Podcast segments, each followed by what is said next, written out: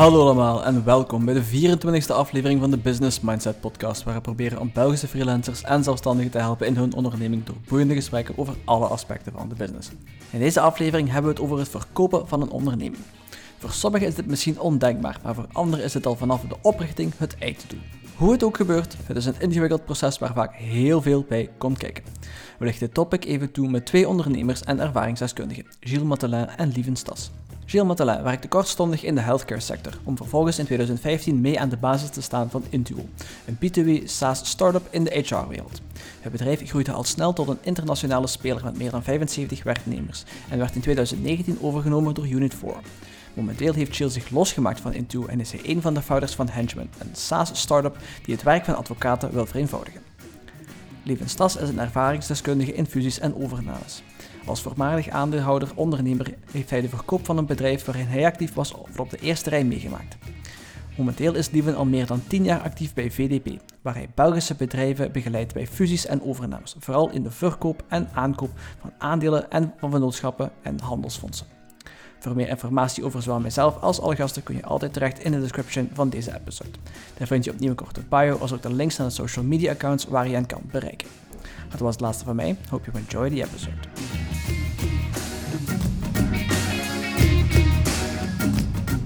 Transactiewaarden, dan heb ik het over dus de, de prijs die betaald wordt bij de verkoop van, van de aandelen. Maar ik begrijp, Gilles, dat jij ook aandeelhouder was van een bedrijf in Tuo.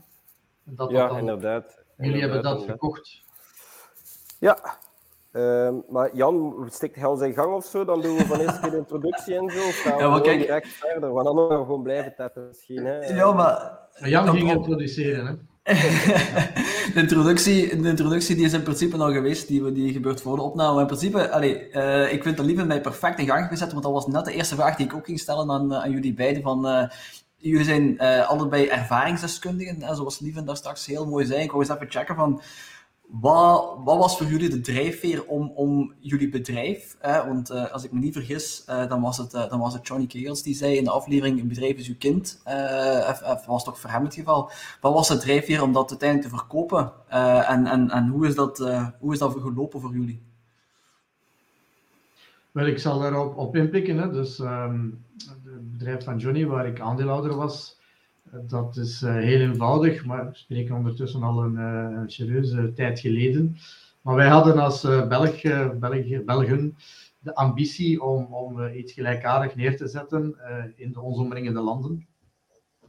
En Johnny heeft dan eigenlijk de, de Tour d'Horizon gedaan. Die is naar collega's geweest in, in, Frankrijk, in Duitsland, noem maar op.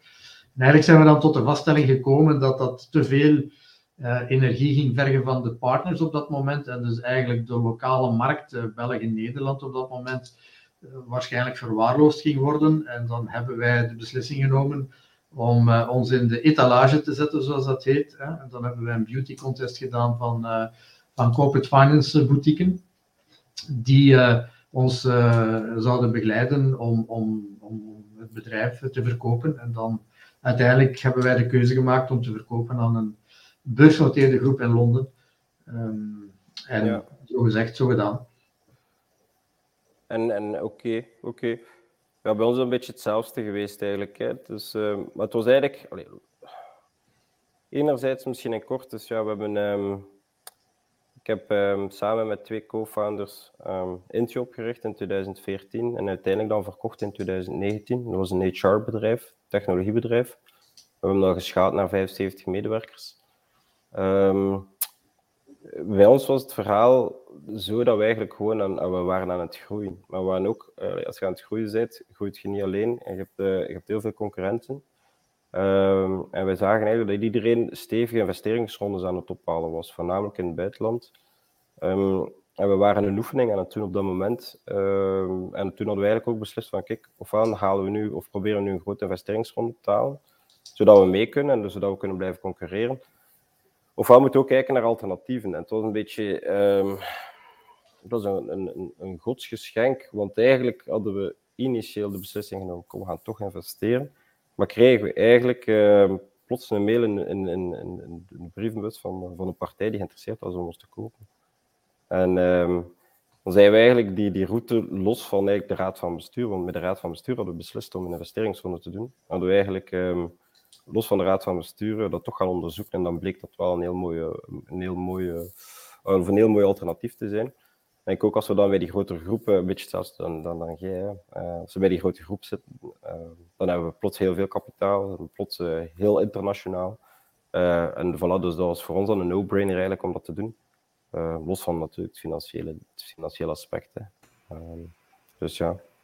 En jullie dat wij... hebben dan vermoedelijk ook een soort earn-out, of was het, zat dat er niet in? Jawel, absoluut, spijt genoeg. Um, ja, en daar, daar, kunnen we straks misschien echt um, uren over praten. Um, Kun je het concept misschien even toelichten? Want voor, de, voor de leken onder ons, wat, wat, wat houdt dat in? Een, een earn-out is, is een C, als, zeker als jonge bedrijven met een heel actieve co-founders en eigenaars, die, die verkocht worden. Het is uh, oké, okay, ik dat Chile een stukje uh, ook in de software zat, dus het is niet alleen mensen, maar het is ook software. En bij ons was het een puur dienstenbedrijf. En natuurlijk, als iemand een dienstenbedrijf koopt, dat afhangt van een aantal key persons.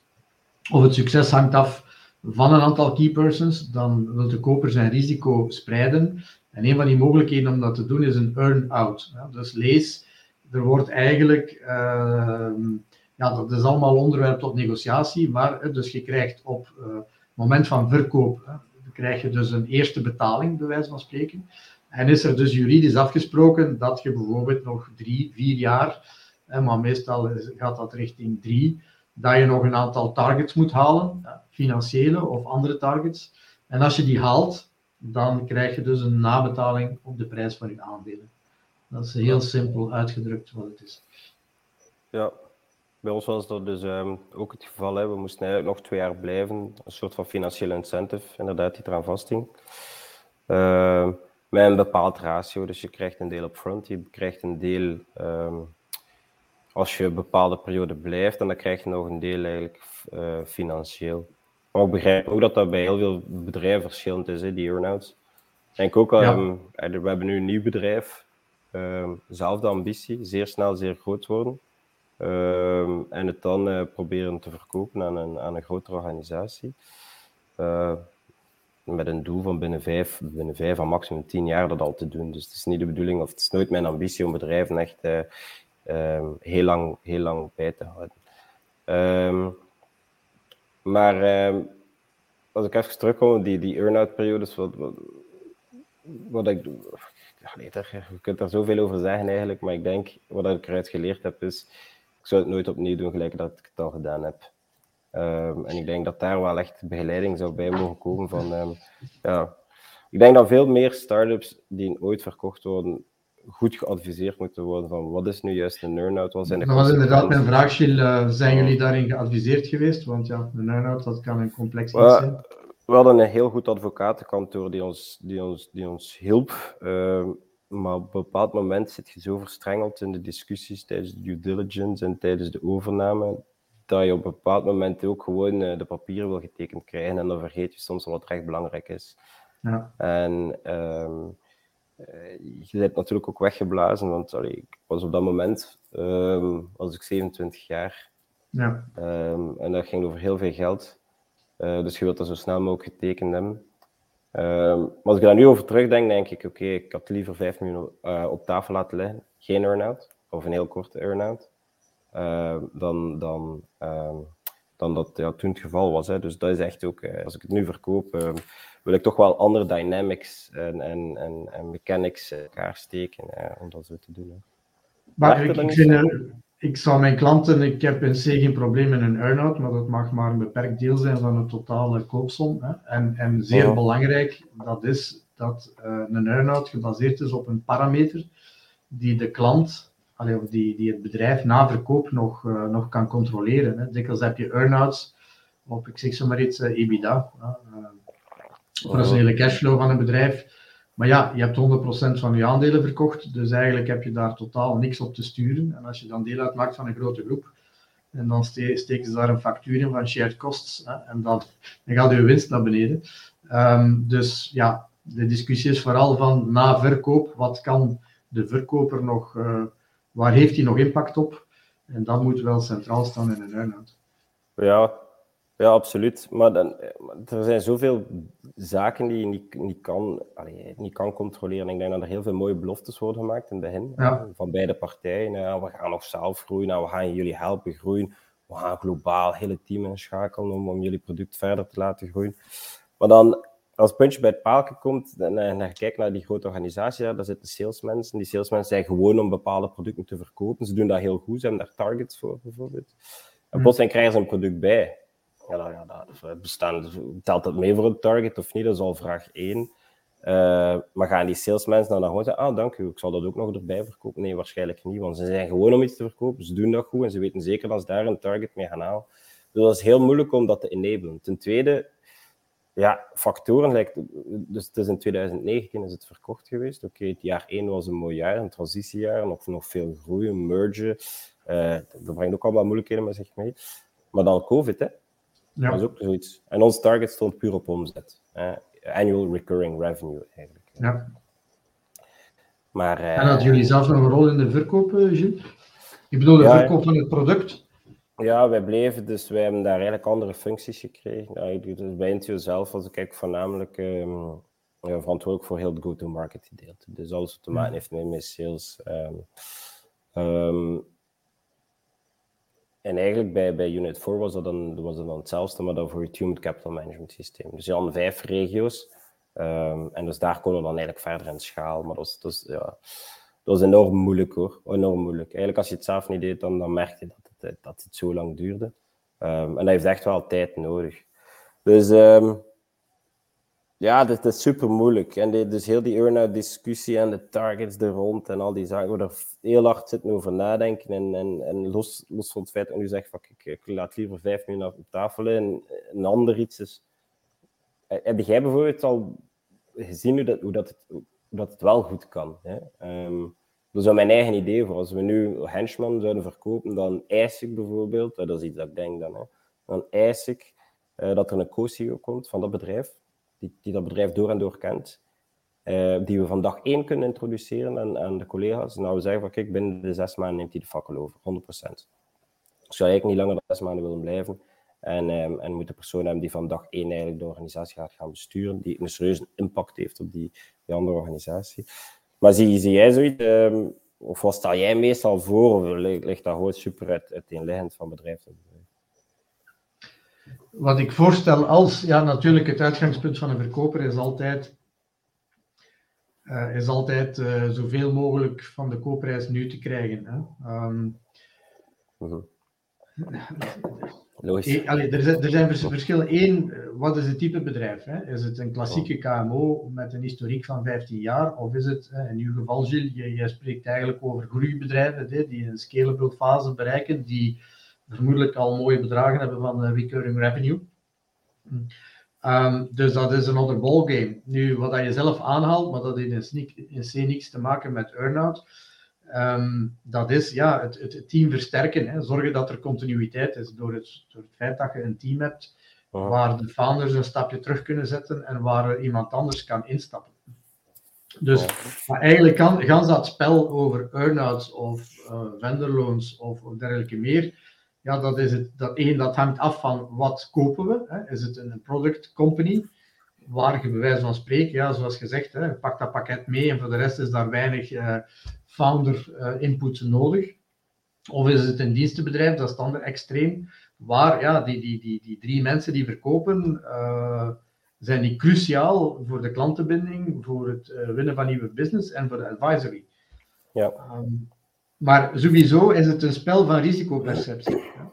En, en ja, wat wij nu zien, en, en dat dan kom ik op uw, uw vraag, hè, wat dat nu uh, wat dat we meer en meer zien is dat de verkopers worden jonger en jonger. Je bent daar het voorbeeld van. Hè. Je bent een entrepreneur, je bouwt iets op je, en je verkoopt. Dus dat is een evolutie die wij zien. Um, en inderdaad, het, tweede aspect dat is, de koper hè, analyseert zijn risico. Hè. Wat is het risico dat wat ik koop morgen stopt, te, succes daar stopt. En als dat te veel afhangt van de founders, dan kan dat een, een mogelijkheid zijn hè, om, om de founders te proberen um, intensiveren en te motiveren via een earn-out en of vast laten hangen via een stukje vendorloon. Hè. Dat zijn allemaal best practices waar je zegt bijvoorbeeld een vendorloon 10 à 15 procent van, van het kapitaal. Um, wat tegelijkertijd de financiering eh, voor de koper uh, ook een stukje verlicht, hè, want je geeft eigenlijk als verkoper een, uitgestelde betaling. Maar het is een pure risicoassessment. En als je dat risicoassessment, als je dat risico voor de koper kunt verlagen door wat je zelf aanhaalt, hè, van oké, wij zijn founders, we hebben iets opgebouwd en hier zit bij wijze van spreken een, een CEO klaar, hè, een jonge kracht die de business door en door kent.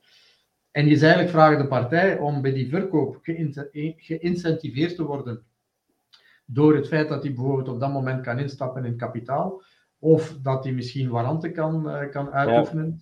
Ja. Um, ja, dat maakt de verkoopbaarheid van je business uh, aantrekkelijker. Ja. Dat, ja, dat begrijp ik, dat begrijp ik. Maar dus, um, maar hoe gaan jullie dan te werk? Dus je begint eigenlijk met ook, um, er wordt een bepaalde prijs op iets geplakt. Dat is misschien ook nog een discussie. Hè? Wat, wat, wat is iets Daar begint alles mee. Uh, ja. ja. ja. Maar en, en, en dan, dan kijkt, oké, okay, je doet een assessment van waar zit de grootste value eigenlijk? Hè? Is het team, is het product? En dan eigenlijk ga je die gaan uitspelen ten opzichte van elkaar. Verkoopsprijs, uh, zit de lever meer op producten, de lever meer op, op het team? Wil ik het team houden, dan maakt het een, een betere soort van learn-out. Of voor dat team wil ik gewoon puur dat product, dan is dat team misschien meer. Nee, als, als we, als we verkoopsbegeleiding doen, hè, dan, dan gaan we natuurlijk zelf niet uh, earn-outs voorstellen. Hè? Maar je weet eigenlijk op voorhand al dat dat waarschijnlijk een deel van uh, de dealstructurering zal worden. Maar inderdaad, als, als we gaan verkopen, begint alles bij de, bij de prijs, bij de pricing. Um, en, en daar eerste vraag is, in welke business zit je? Ik weet niet of dat je uh, op de hoogte bent, maar bijvoorbeeld Vlerik brengt ieder jaar een M&A-monitor uit. Dat is een studie samen met, met, met Bank van Breda, BDO en andere specialisten. En, en daar staat uitgelegd hoe dat men bepaalde sectoren, uh, bepaalde industrieën gaat waarderen. En ik heb vorige week in het kader van de Week van de Bedrijfsoverdracht meerdere lezingen gegeven over hoe je een bedrijf waardeert. Dus daar kunnen we een andere topic over, uh, ja, ja, ja. of een andere podcast over opzetten. Maar het punt dat ik wil maken is, ben je een technologiebedrijf, een jong technologiebedrijf, en ik heb het woord al uitgesproken, dan gaat het over uh, uh, ja, yearly recurring revenues. Dat is een maatstaf. Je hoeft eigenlijk in een technologiebedrijf, en ik zie dat ook in de fintech-wereld vandaag, hoef je niet noodzakelijk EBITDA positief te zijn. Maar als je een substantiële omzet recurrent hebt, en dan spreek ik substantieel um, miljoenen, ja, um, substantieel wil je verkopen aan een industrieplayer of aan een serieuze venture capital, ja, dan moet je toch al serieus wat tractie hebben. En, en daar spelen toch een andere wetmatigheden dan ten aanzien van bijvoorbeeld een klassieke KMO die je eerder gaat waarderen op uh, een multiple op je EBITDA. Ja. Dus als je die Vlerik-studie uh, aangrijpt, hè, dan heb je bijvoorbeeld uh, ja, transacties, hè, hebben ze vastgesteld dat transacties onder de 5 miljoen transactiewaarde uh, door de band genomen, dat daar de multiple op de EBITDA rond de 5 schommelt. Is dat natuurlijk ja. een bedrijf waarvan, die, waarvan dat die omzet een stuk recurrent is, waarvan je een heel solid management hebt, waarbij nog een aantal mensen blijven, ja, dan kun je misschien pleiten dat het een 5,5 of een 6 is. Um, hangt dat bedrijf af van één persoon. Maar wel op EBITDA nog altijd, hè? Ja, ja, ja dus zijn we over EBITDA bezig, zijn we over de klassieke business bezig. Hè? Ja, ja, ja. Als we in uw wereld uh, bewegen, Gilles, van ja, een, een technologiebedrijf waar met recurring revenue zit, um, daar vertrekken we van, van, van multiples die we eigenlijk afleiden uit, uh, uit een peer-analyse. En ja, we hebben daar bronnen voor. Hè. Daar zijn uh, tal van bronnen die beschikbaar zijn. En dan kan je bijvoorbeeld lezen dat in, in, in de fintech-wereld, de payment sector, dat men dus uh, ja, multiples uh, betaalt voor bedrijven in de payment sector. ik zeg zomaar iets in de 20 op, of 15 keer de recurring revenue. Maar natuurlijk, als je dan die, die pool van technologiebedrijven bekijkt, dat zijn beursgenoteerde bedrijven die miljarden euro's omzet doen, ja, dan mag je dat, hè, en dat is een beetje het, het, gevaar dat jonge starters in België doen en zeggen, ah, in Amerika is dat gebeurd aan die multiple, dus die multiple is ook van ons van toepassing. Je moet dat wel uh, met een korreltje zout nemen. Hè. Dus dan worden ja, daar discounts... Wat zegt u? Ja, zeg maar, zeg maar, zeg maar.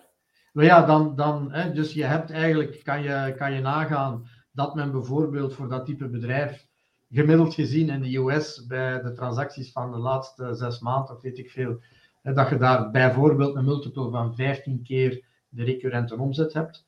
Maar ja, je bent in België uh, een, een, bedrijf dat in dezelfde fintech-wereld actief is. Maar je hebt bijvoorbeeld uh, 600k uh, jaarlijkse recurrente omzet. Ja. Dus dan moet je, en dat zijn dan dingen die wij weten, ga je een aantal discounts toepassen op die multiple. Hè. Een, bijvoorbeeld een illiquiditeitsdiscount, 25 à 30 procent, omdat het bedrijf niet beursgenoteerd is. Je, je, je past een, een andere discount toe van nog eens uh, 25 à 30 procent, omdat het een microcap is in plaats van een large cap. Enfin, En als je dat dan uh, allemaal uitrekent, hè, dan kom je eigenlijk aan een multiple op de, toch nog altijd niet een EBITDA, maar de recurring revenue, van uh, bijvoorbeeld 6 à 7, hè, 6, of in de vork van 6 tot 8. Ja. Wat dan verdedigbaar is voor een, een Belgisch technologiebedrijf. Heb je natuurlijk. Ja. Oké, okay. maar het blijft natuurlijk uh, de koper en de verkoper, het is gewoon woord tegen woord uiteindelijk. Het, het, is, een stukje, het is een stukje inderdaad uh, onderhandelen, hè, dat klopt. Maar je kan u baseren op, op, ja, op, op uh, een analyse van, van de peers. Hè. Wat gebeurt er in onze omringende landen in die sector? Ja. En wat wordt daar betaald? En daar zijn bronnen voor om dat na te gaan. Maar ja. je mag dat niet klakkeloos, hè, dat is een beetje mijn punt, je mag dat niet klakkeloos toepassen, puur mathematisch. Je moet gaan kijken, wat is het bedrijf erachter? Wat is het risicoprofiel van het bedrijf? Welke tractie heb je? Hoe snel groeit het bedrijf? Allee, Gilles, ja. you been there, done that. Als je natuurlijk uh, de laatste drie jaar van je start-up, die, die zes jaar uh, bestaat, uh, een vlakke groeicurve hebt, ja, dan, dan moet je als koper vragen stellen. Hè? Ja. Um, nee, dat klopt. dat daar een heel rationele verklaring voor is natuurlijk. Nee, maar ik denk, allee, nee, dat is waar. Je moet, dus we kijken altijd naar die growth multiples. Moet het dan per se die in de, de, de ARR zijn of, of, of ja, de, de omzet? Misschien niet zozeer als ze zien dat daarvoor eigenlijk heel veel traction of heel veel growth nog zit. Hè, of dat die pipeline heel rap aantrekt. Of dat er nog heel veel marges in, in, in het sales ja. team of product improvements. Of misschien zien ze een integratie mogelijk met de producten die zij hebben. Bij, ons was het, uh, het is een funny story. We, ze zijn dus naar ons gekomen, hè. ze tonen duidelijk interesse. Maar ze waren bezig op uh, eigenlijk een investeringsronde te doen. Dus ik weet nog dat mijn, uh, mijn andere co-founder mij belde en zei van Jules, ik krijg hier een mailtje en ik denk dat die gasten serieus zijn. Ik zei, ja, hoe weten we nu dat ze serieus zijn? Ten tweede, we hebben met, met de board een agreement gemaakt dat we een investeringsronde gingen doen. Dus eigenlijk in principe waren we niet klaar voor verkoop. Uh, maar dan had ik oké, kom, um, laten we kijken of dat ze geïnteresseerd zijn. Hè. Um, ja. Eerst eerste call gedaan, uh, of mijn, mijn collega dus, mijn co-founder, eerste call gedaan, terug, terug, hij belt mij terug en zegt, ze zijn volgens mij echt geïnteresseerd. Oké, okay, oké, okay, laten we nog een call doen. We hebben een call, oh, met meer, meer pessimistisch en misschien sceptisch van, van persoon. Oké, okay, ze zijn echt geïnteresseerd. Dus ja, we, we zitten in, in, in, dat gesprek. Die gasten hadden eigenlijk nog heel weinig gezien zelf van ons. Die hadden bijna niks, ze hadden nog geen due diligence gedaan, niks, niks, niks. Nul, nul, nul, en hadden jullie al uh, documentatie klaar om die kapitaalronde te gaan doen? Of dat, nee, of absoluut niet. kinderschoenen? Nee, absoluut niet. Maar allee, dat is misschien wel een tip naar, naar, naar de luisteraars. Gewoon, zorg gewoon dat, je, dat, dat, dat, dat alles in orde is. Hè. Zorg gewoon ja. dat, dat, dat, dat, dat je governance moet, moet goed zitten. Um, dus, maar het was op woord, hè. Dus, dus alles wat hij zegt, dat is waar. Maar bij ons was het op woord. Dat is onze omzet, zonder hem te zien. Dat onze strategie, zonder hem te zien. Oké, um, in de call, uh, het eerste aan die dan vragen, oké, aan welke verkoopsprijs denkt u? Wij hebben dat echt letterlijk gewoon, um, elk een papiertje, gewoon met, met, met, de drie founders, elk ons bedrag opgeschreven en dan gewoon gezegd, oké, okay, 3, 2, 1, zeg hoeveel dat is. Um, ik uh, had uh, veel te veel. veel te um, en dan de, de, ja, de andere vond ik dan iets te laag. Bon, even gediscussieerd. Bon, een prijs die nog altijd van de pot gerukt was. Um, vonden wij hè, een mooie multiple, een heel hoge multiple op de omzet, als je het dan bekijkt. Maar eigenlijk was die meer gebaseerd op buikgevoel en, en zoiets van, kijk, voor dat bedrag zou ik het willen laten gaan en anders wil ik nog verder doen. Ja. Um, los eigenlijk van het clever nadenken van, oké, okay, hoe ziet de markt eruit? Concurrentieel als we een investeringsronde doen, wat is dan het risico dat we toch eigenlijk, noem maar op. Ehm, maar bon, teruggebeld naar die partij, die prijs gezegd. Die, die partij zegt: Oké. Punt. Oké. En dan is de volgende vraag, en maar nu weten we nog altijd niet dat je serieus bent. Uh, alleen, hoe moeten we dat nu weten eigenlijk? Want we, we zitten, dat is allemaal via de telefoon. Dan zijn die gasten, want dat was een vrijdagavond, weet je wat ik, uh, volgende week, dat was in januari, uh, volgende week hebben wij de Global Sales Kick-Off in Barcelona, maandag. Het hele Global Leadership Team zit daar. Uh, kom naar daar, maandagmorgen 9 uur, Barcelona. Komen daartoe. Ja, we zijn oké, dus we vliegen naar daar, Barcelona, leuk. Komen daartoe, worden daar goed ontvangen. Uh, van boven ergens in het, in het de Marriott, helemaal van boven in een board meeting room. met alle managers, alle C-levels zat daar. Komen daartoe, we zetten ons neer, natuurlijk super veel stress. alleen de CEO was daar nog niet en wij stonden klaar eigenlijk om te presenteren, zodat je gelijk bij een VC moet doen. En we komen toe. Allee, dus wij zitten te wachten bedoel ik, en de CEO komt toe. En die gast zegt, oh, zitten gasten, uh, um, chillt. Uh, ik weet wie dat is. Uh, ik heb jullie eigenlijk uitgenodigd. Um, en je moet geen presentatie geven. Ik ga een presentatie geven. Waarom uh, dat ik jullie wil kopen. Dus in een omgekeerde wereld. Uh, was fantastisch. Dus die gast had dat dan uitgelegd. En daar komt het dan. Hè. Um, ik denk voor hen die prijs was, was, was zeker te rechtvaardigen. Hè. Hebben we dan te weinig gevraagd? God knows. Ik was er gelukkig mee. Maar ik denk, denk, denk een les is van, uh, moest zelf eerst je huiswerk gedaan hebben, had je vermoedelijk uh, beter kunnen inschatten wat mogelijk is. Hè. Dat is waar. Dat geloof ik wel, dat geloof ik wel. Maar in die end, op het einde, lag de, het einde van de dag lag de LOE op tafel. Twee weken daarna ja. waren verkocht. Dat was een kern uh, due diligence, die, die, die heel goed gedaan was.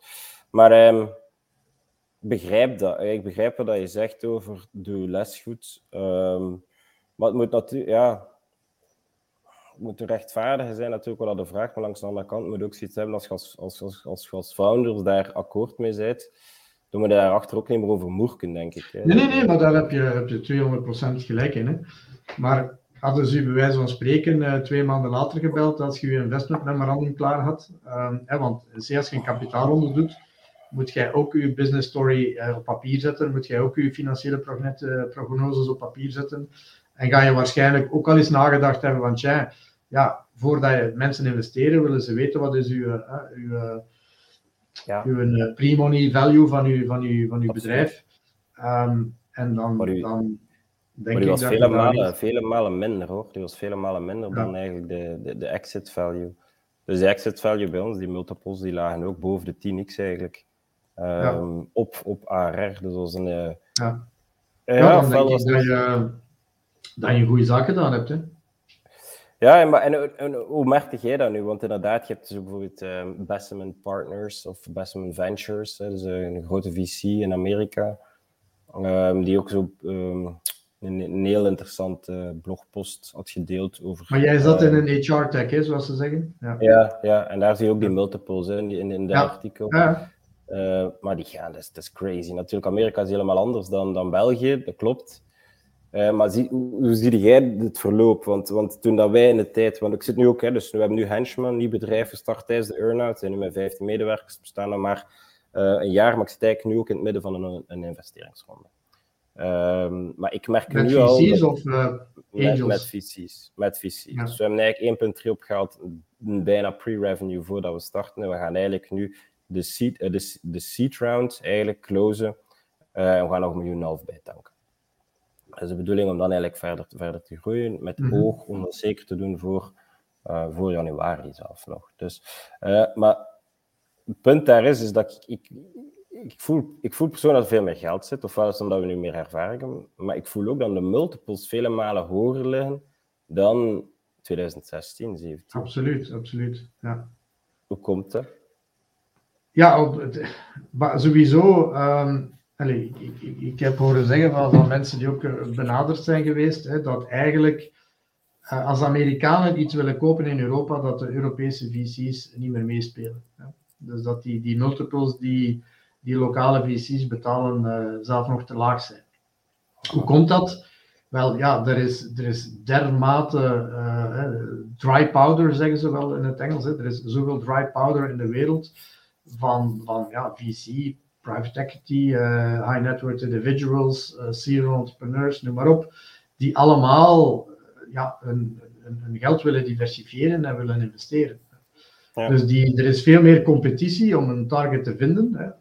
Dat zien wij ook. Hè. Wij worden betaald om targets te zoeken. Hè. Ja. Vijf jaar geleden was dat een uitzondering. Vandaag is dat, is dat, is dat bijna ja, standard practice. Hè. Dus dat is de reden waarom dat, dat allemaal uh, naar boven gaat. En dan heb je natuurlijk verschillende sectoren. Hè. Ik, ik, heb nu die researchgetallen van de fintech-wereld in mijn hoofd, hè, maar HR-tech, ja, hè, dan inderdaad op dit moment geen, geen zicht op welke multiples daar betaald worden. Um, maar dat, uh, ja, wat vandaag is, dat zal ongetwijfeld anders zijn dan twee, drie jaar geleden. Dat is een feit. Ja. En dus dat mij, ik kan het me zo moeilijk voorstellen dat, dat het dan zo aan, inderdaad, het voelt zo aan, hè, maar, maar die VC-funds die bestonden toen ook al natuurlijk. Hè. Um, was dat, ja, het, is raar hoe dat het zo snel. Dat, allee, ja, maar er zijn, er zijn ook trends. Hè? Dus, dus uh, als je, de, allee, als je daar de, de lectuur op naleest, bijvoorbeeld ja, VC's, hè, de, maar ook private equity, maar dat is even buiten scope nu, denk ik.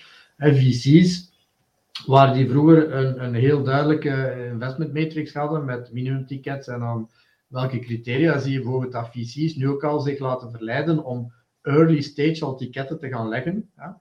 Om dan vervolgens ja. um, ehm, in die vervolgronde daar zelf eh, dominant in, in, verder te doen. Hè.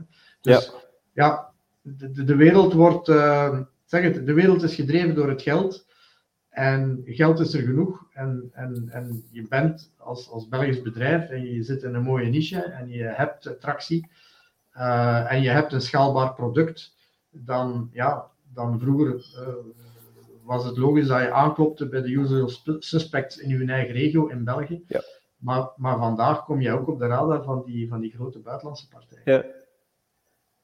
En als je, oké, het is interessant, hè? het is interessant nu omdat ik zit nu naar puur naar, en de podcast gaat natuurlijk over het verkoop van een bedrijf. Ik zit nu eh, bij die, bij die visie. Ja, maar eigenlijk kan je investeert, hè? het is geen verkoop, je gaat als aandeelhouder niet cashen, je, je weet dat, je zit er middenin. Oh maar je, allez, eigenlijk door het feit, ervan uitgaande dat je niet volgt in die ronde, ga je als aandeelhouder ga je verwateren en je, en je aandelenpakket, dat bijvoorbeeld uh, samen 80% is, wordt na de investeringsronde wordt misschien 55 of minder dan 50. Hè. Je verkoopt niet, hè. Het, het, geld wordt in de onderneming gepompt om uh, te groeien, zodoende dat je een kleiner aandeel hebt van een grotere koek in de toekomst, dat is de bedoeling. Maar ik denk wel dat je dat, allez, dus inderdaad, het verhaal is investeren, maar eigenlijk doe de afstand van uw aandelen door het aanvaarden dat een partij geld steekt in uw bedrijf. Juist is hè.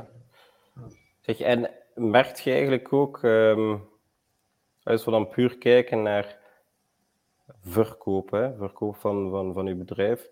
Ten eerste, wat ik, ook, ik hoor van, van andere founders die eigenlijk in een, een gelijkaardig verhaal zitten, is dat er, eh, het wordt zo ook wel klassiek gedaan, dat ze bijvoorbeeld een stuk verkopen van um, uh, en een stuk cash al bij bijvoorbeeld een, een Series B hè, of, of, of, ja, of, of C. Dat, um, dat je eigenlijk als dus, um, ja, aandeelhouder stuk verkoopt en dan gewoon cash in, de, in, de, in het bedrijf injecteert. Ja, maar merk je dat nu ook? Want ik, ik, ik hoor het van, van, van anderen dat het eigenlijk nu ook al gebeurt zelf bij, bij, bij Series A-rounds en zo. Dus dat er daar zelf al, hè, dus heel vroeg in de organisatie, alle stuk eigenlijk wordt gecashed om de, de, ja, de bestuurders eigenlijk financieel safe te zetten. Eh, zie je dat ook? Of? Uh, ik, zie dat, uh, ik zie dat hoofdzakelijk hè, vandaag ook bij mature bedrijven. Hè. Dus uh, allee, ik, ik, heb gezegd, hè, de verkoper wordt jonger en jonger. Je bent daar het, het levende bewijs van, Gilles. Dus die worden jonger en jonger. Aan de andere kant is er de koper, hè, die zegt, ja, maar ja, die heren of die dames, hè, die, die zitten nog vol ambitie, die willen nog groeien. Ja, ik wil die eigenlijk mee in het bad houden, hè, zodoende dat ze voor mij aan de kar trekken. Hè. Om lang verhaal kort te maken, wat zien wij bijvoorbeeld in de klassieke sectoren? Is er inderdaad een trend dat men zegt: oké, wij verkopen. Hè.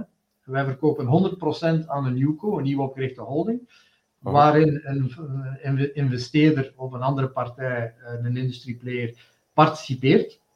En eigenlijk uh, stel dat je dan met drie, vier aandeelhouders bent die verkopen, dus iedereen ontvangt eigenlijk de volle, volle pot voor zijn aandelen. Maar er is de afspraak dat dus een stuk van hetgeen men ontvangt terug investeert in, die nieuw, in dat nieuw bedrijf.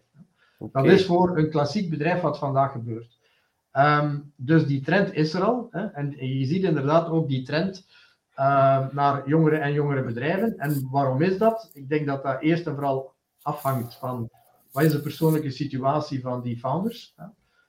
Um, bedoel, ze hebben zich misschien uh, om, om dat bedrijf te kunnen opstarten in de schulden gewerkt. Hè. Dus eigenlijk is dat een stukje uh, de founders het, comfort bieden door ze een stuk te laten cashen hè, en, en dan vervolgens te kunnen doorstarten zonder financiële zorgen. Want je weet, Gilles, veel start-up bedrijven in het begin dat is all-in. Um, dus niet iedereen heeft, het, uh, heeft die luxe en heeft het, heeft het breed om. om, ja. Om, ja, ik vind, wat, wat dat het, het is niet zo dat je in de start-up uh, daar maandelijks gigantische weddens kunt uithalen. Dus de meeste zitten daar toch wel, denk ik, zijn vragen de partij om daar een stukje comfort te krijgen door uh, tussentijds iets te verkopen. Ja, absoluut. absoluut. Maar ik zou het ook aanraden eigenlijk om het te doen, eerlijk gezegd. Ik vind, um, allee, bij, bij, bij, bij Intro heeft het um, bijna drie jaar geduurd tegen dat we ons daar een volwaardig loon konden uitkeren. Ja. En nu bij Henchman um, is het ook gewoon, ik keer mijzelf niks uit. Natuurlijk zit ik nu in een andere situatie. Hè. Je hebt, je hebt uh, reeds een, uh, een buffertje. Inderdaad. Hè? inderdaad. um, maar, um, maar het is wel daardoor dat, dat de, denk ik, soms betere beslissingen neemt. Omdat je financieel er niet afhankelijk van bent. En je, zelf volledig je, je kan onafhankelijker denken, ja. Klopt. Ja, ja, en je neemt ook andere beslissingen. Ik ga rapper in op, uh, op, op investering, of, of, of, of, we gaan rapper um, meer investering gaan ophalen. We kijken al minder naar. Uiteraard is, is, is uw steek super belangrijk, hè? maar je gaat dan rapper denken. Uh, vroeger was dat altijd de, de klassieke, hè? liever een, uh, een klein deel van een grote taart dan. Hè? Ja. maar ehm, ja, dat is ook ergens bullshit. Hè? Um, omdat je natuurlijk niet weet hoe groot dat je taart gaat worden. Dus nee, oké, okay, maar dat is ondernemen, hè? Ja, ja, dat is waar. Maar dus nu vind ik dat, nu vind ik dat op een andere manier. Ik kan daar naar denken. Kan eraan denken, oké, okay, weet je wat, ik wil nu met Henchman, willen we alles op alles zetten. We willen 100 ja. miljoen. Dat is de verkoopswaarde. Binnen vijf jaar willen we streven ja. naar 100 miljoen. Dat betekent groeien. Dus 1000 advocaten, niet 10.000 advocaten niet 1000 euro betalen. Dat is, dat is 10 miljoen euro rekenrente omzet binnen vijf jaar. Als je die growth multiples kunt tonen, dan kunnen verkopen aan die. Dus we hebben ja, nu een heel andere mindset. Dan zit je in een andere ballgame hè, van multiples. Hè. Jawel, het is, maar het is een andere mindset, maar dat begint ook nu met te zeggen van oké, pre-revenue veel kapitaal ophalen, nog eens kapitaal ophalen, hard gaan en, veel meer groei, veel meer risico, omdat we die financiële afhankelijkheid hebben. En dus daarom vind ik dat wel belangrijk aan iedereen die nu in, in dat spel zit. Dus als je dan misschien in een Series A al een klein stukje kunt, kunt cashen of toch een fatsoenlijk loon, zodat je maar het meer zijn dan dat loon. Ik denk, maar die financiële onafhankelijkheid nastreven, dan denk ik dat je wel kunt ondernemen op een veel, eh, veel volwassener of, of veel... Je kunt gewoon je focus beter houden. Is wat, ik wil het misschien uh, uh, daarbij afronden. Weet je wat ik nog misschien vragen, um, of een paar vragen voor u voor heb? Dus, en ik krijg die vaak hè, van andere ondernemers, is um, wanneer is het nu juist de tijd om te verkopen? En je hebt er daarnet al gezegd, je moet kijken naar bepaalde metrics. Je moet natuurlijk een soort van exponential curves kunnen doen en growth. En, uh, allee, zeker in mijn sector, hè, die groeibedrijf. Maar wat is nu, wanneer is nu het beste? En dat is een, heel moeilijke vraag. Ik kan daar zelf heel moeilijk op antwoorden. Voor iedereen is dat apart. Maar je hebt natuurlijk twee vragen eigenlijk. Eén, uh, ja, hoe kijkt jij daarnaar? Is early echt heel vroeg verkopen? Want dan heb je natuurlijk nog veel meer aandeel voordat je een investeringsronde doet. Je verkoopt bijvoorbeeld aan 20 miljoen en hebt nog 70 procent. Dat is, is dat dan veel beter dan bijvoorbeeld wat wij nu aan het doen zijn, proberen streven naar 100 miljoen buy-out. Uw markt is al veel kleiner voor de personen die nu kunnen kopen of bedrijven die kunnen kopen. Het risico moet veel langer doordoen. Je moet de investering ophalen, dus mijn aandelen zakken alleen maar. En is er daar ergens een gouden curve of iets dat, dat we kunnen vertellen, misschien aan de luisteraars, van dat is het, het goede moment? Wel, Gilles, je hebt al zoveel parameters opgenoemd. Hè? Uh, ik kan het alleen maar herhalen. Allee, daar is... belangrijkste is, er staat geen leeftijd op wanneer je verkoopt. Hè. Dat is, dat, vroeger was dat dikwijls taboe. Hè. Als je aan een bedrijf begint, is dat, is dat voor de eeuwigheid of is dat voor de tweede generatie? Dus die taboe die is al van de tafel. Ehm, als ik zie mensen die verkopen, dat zijn, dat zijn jonge bedrijven die een groeibedrijf hebben gestart, die dat verkopen. Dat zijn veertigers die beginnen een bedrijf uh, in, in een bepaalde sector. Uh, in, in, in, de e-learning bijvoorbeeld, die bouwen vier jaar hard en die verkopen dat aan een private equity na vier jaar. Uh, blijven, hè, herstappen opnieuw in en verkopen nog eens na drie jaar nog, nog een stuk. Hè. Dus er staat geen leeftijd op verkopen. Hè. Uh, maar dan is de volgende vraag: wat is de ambitie van het individu? Dat, je hebt dat gezegd, Gilles. Ik vind dat een zeer goede voorzet naar uw collega's, uh, jonge ondernemers toe.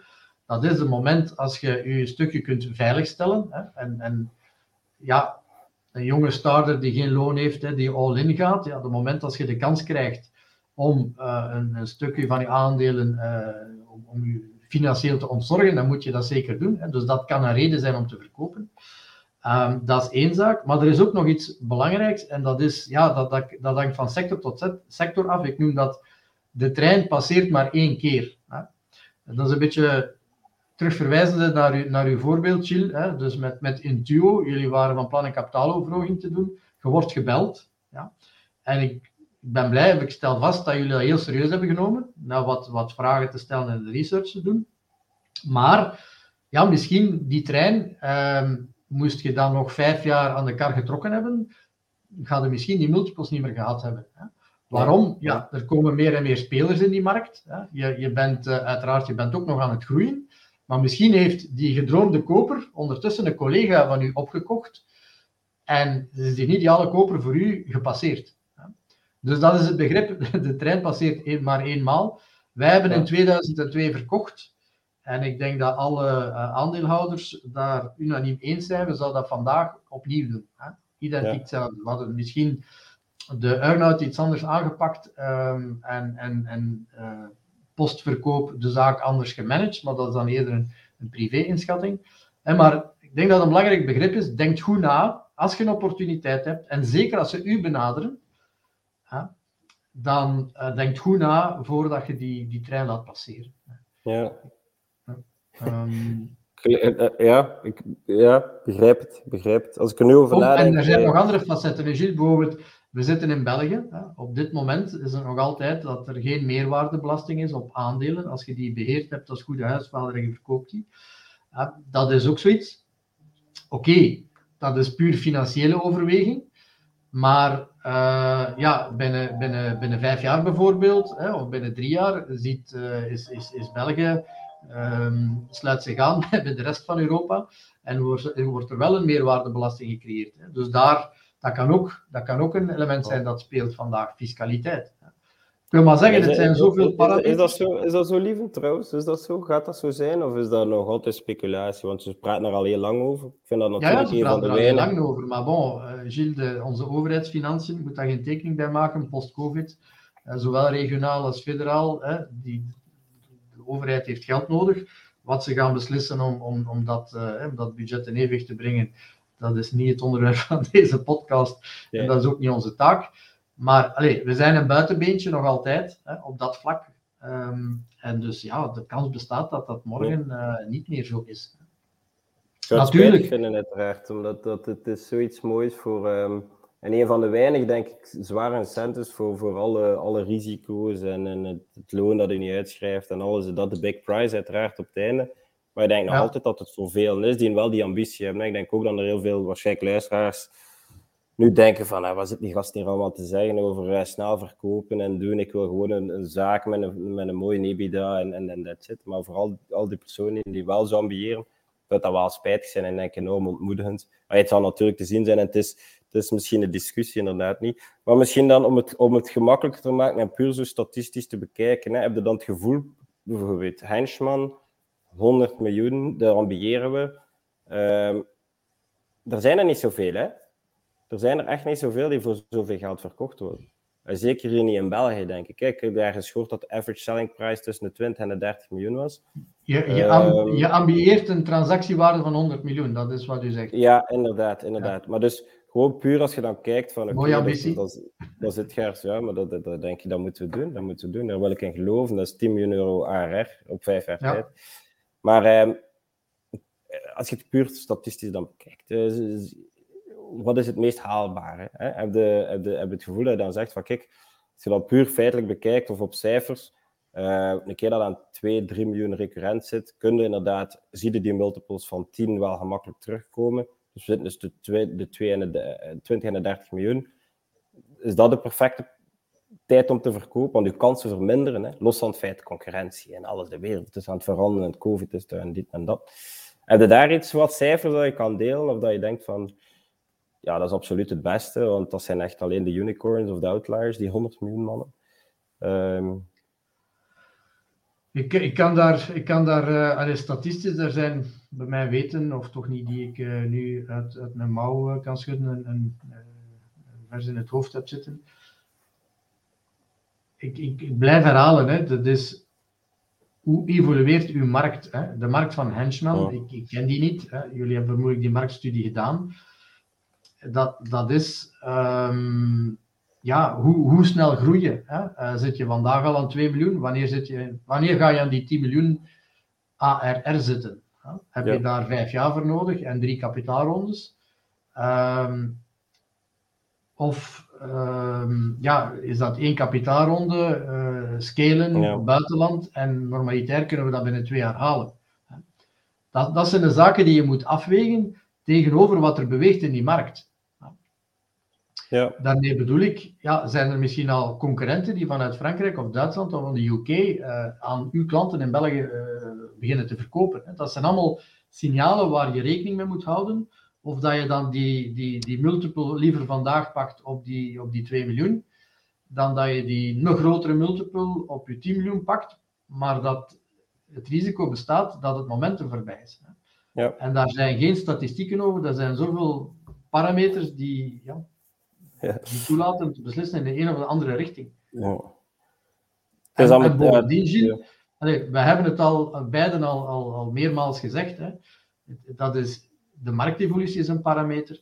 Hoe staat de ondernemer daarin is een parameter. Heeft hij centen nodig? Is hij het beu? Jij hebt misschien veel zin, maar twee, twee co-founders, uh, ik zeg maar iets, iemand uh, gaat richting burn-out of heeft een bepaalde familiale situatie, waardoor hij het even beu is om te ondernemen, die wil cashen. Enfin, je, kunt daar niet, je kunt daar niet rationeel uh, een formule op loslaten en zeggen dat is nu het moment. Dat is hetzelfde als investeren in de beurs. Hè? Ja, ja, ja, dat klopt, dat klopt, dat klopt. Ja. Dat klopt. Maar het is, het is, het is ergens, ik krijg vaak die vraag, hè, waarom en wanneer is het het beste moment? En, en het enige dat ik altijd antwoord is, als je er een mooie prijs voor krijgt, doe het dan. Maar dat is, dat is misschien ook, als ik dan nu puur naar mijn eigen founders kijk, en, en, en ja. door de, bij Henchman, ja, als er nu iemand staat in mijn koffer bijvoorbeeld met 20 miljoen, die, die mannen gaan die afwijzen, hè? Puur maar, je, omdat die zo'n geloof hebben, omdat die, ja. omdat die willen dat, dat daarnaast streven, terwijl dat... dat dus het is, het is inderdaad het is een heel moeilijk iets. Weeg het zelf af. Financiële vrijheid is zeer belangrijk, vind ik. Um, maar langs de andere kant zie je dat geloof bij die gasten is zo zalig. Alleen bij mijzelf ook. Hè. Um, maar toen was dat wel helemaal anders. Dus het is een heel moeilijke, heel moeilijke discussie, denk ik. Uh, ja. Voor iedereen anders. Ja. Ja. maar er is, er is ook zo een parameter vandaag. Hè. Het, het, het, geld is, is diegene die de schaal bepaalt. Hè. Um, je kent vermoedelijk nog het verhaal van Netlog. Hè. Uh, 100 miljoen gebruikers in Europa, een Gentse start-up, de Facebook van, van onze regio zal ik het noemen. En ik, ik weet het niet van buiten, maar die, die hebben uiteraard funding gehad, ettelijke miljoenen, hè, ik weet niet hoeveel. Aan de andere kant heb je Facebook, die ook funding krijgen, maar dan spreken we over honderden miljoenen, zo niet miljarden. Ja. Ja, en dan op dat moment mag je van qua product en qua toepassing nog zo goed zijn, dan is het geld die, die spreekt om markt te kopen. Ja. Uh, niet meer en niet minder.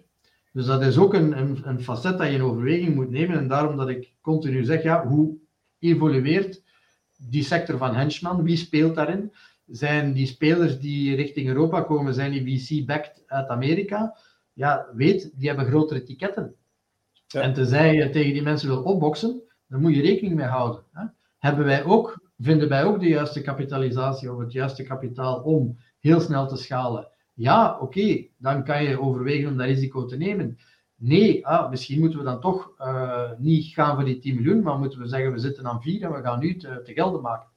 Ja, agree. Agree, maar het moet wel een duidelijke boodschap zijn ook, vind ik. Uh, je moet ook niet bang zijn van, die, van, van, van de Amerikanen. Hè? Want de Amerikanen halen altijd gigantisch veel geld op. En als we kijken naar... Ay, bij Intuï bij Amerikanen gehad die ditzelfde moment bij ons gestart zijn. En na drie jaar hadden die al 100 miljoen in funding.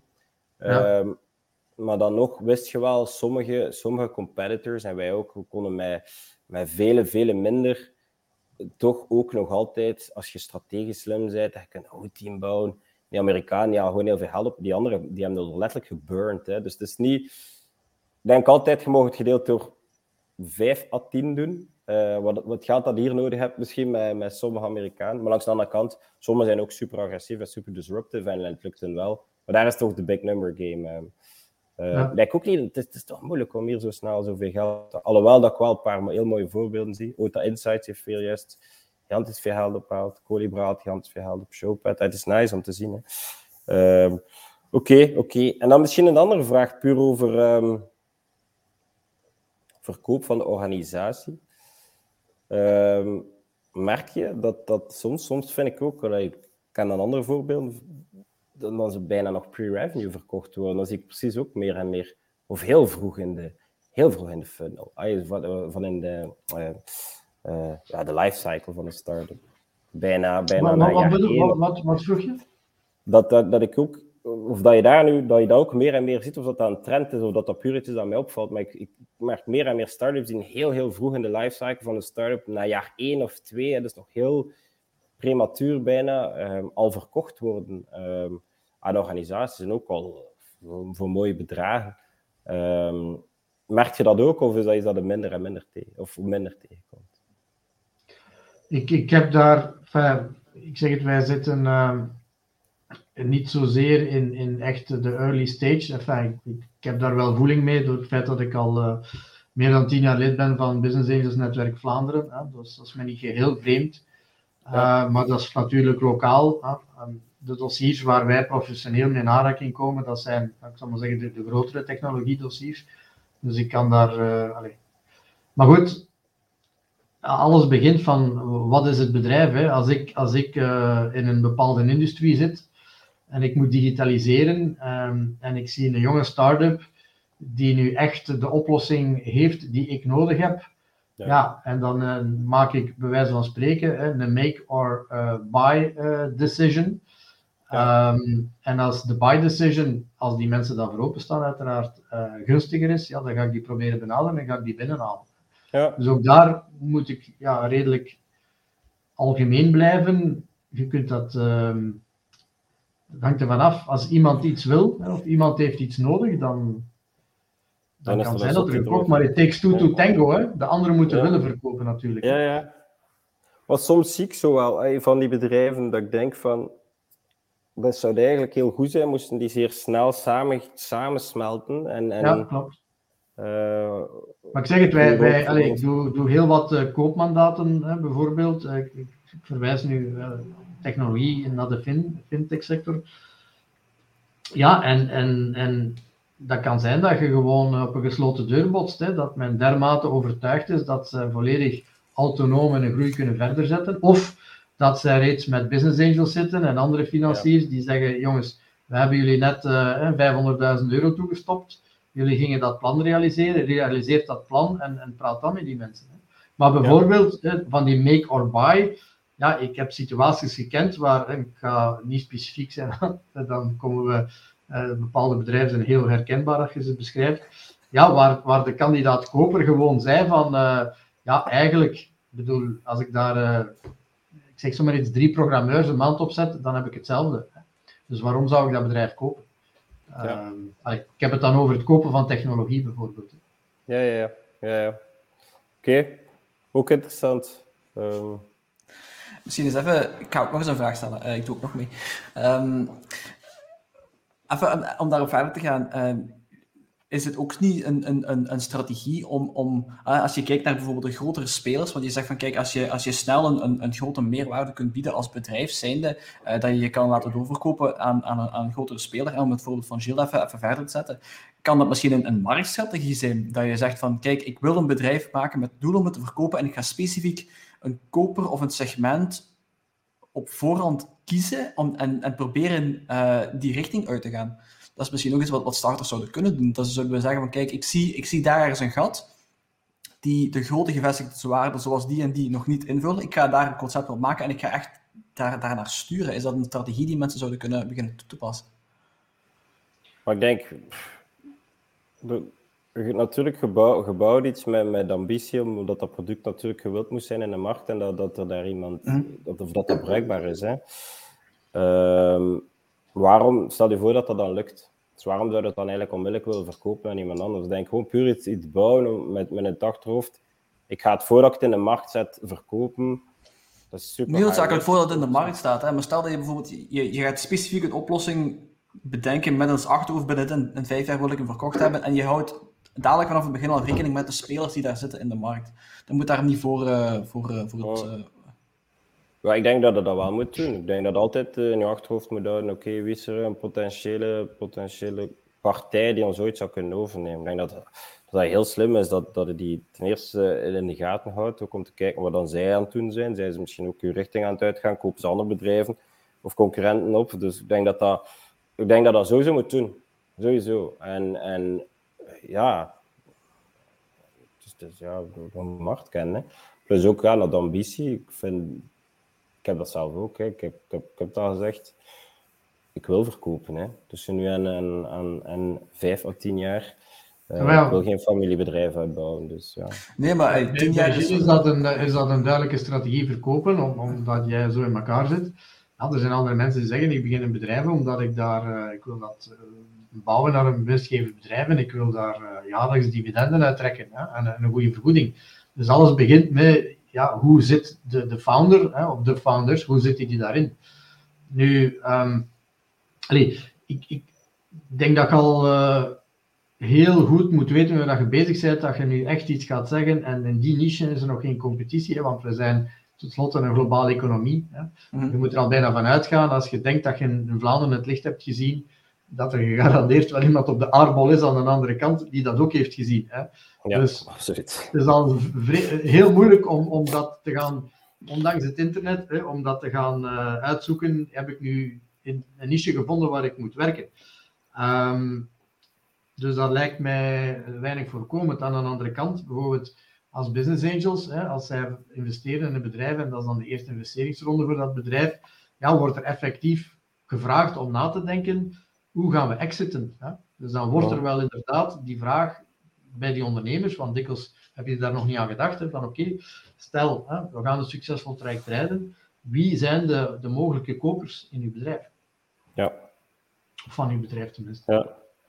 En dan begin het zo met, uh, ja, is dan, het is uw baby en uh, waarom wil je dat wegdoen en waarom wil je dat verkopen? Ik vind het belangrijkste aan heel dat aspect is, je hebt het financiële inderdaad, je kunt iets, je iets exiten en je kunt je baby dan eigenlijk nog veel groter laten groeien. En ik denk, je moet van in het begin kijken en je moet goed due diligence doen zelf als verkoper van welke organisatie is ideaal om mijn baby op te voeden. Hè? Ik vind dat dat belangrijk is. Want je ziet heel veel acquisition cases waar dat na acquisitie niet goed gaat. Of dat ze dan eigenlijk je, product kapot maken of een, toch een andere filosofie of strategie vinden. En dat dat pijn doet. Hè? Ik denk dat het juist dat, dat, dat zalig is om, om, om, om het echt te zien groot worden als ja, gewoon een dominant player. Ik vind, dat is de max. En dat is ook goed voor uw klanten, dat is goed voor iedereen. Um, dus, Hebben jullie dat meegemaakt? Dat, uh, dat jullie zo na, na een paar jaar terugkijken? Want uh, je lieven is er al wel langer uit natuurlijk, maar Shield is toch ook al, uh, al twee jaar geleden. Hoe, hoe bekijk je dat nu als je zo terugkijkt?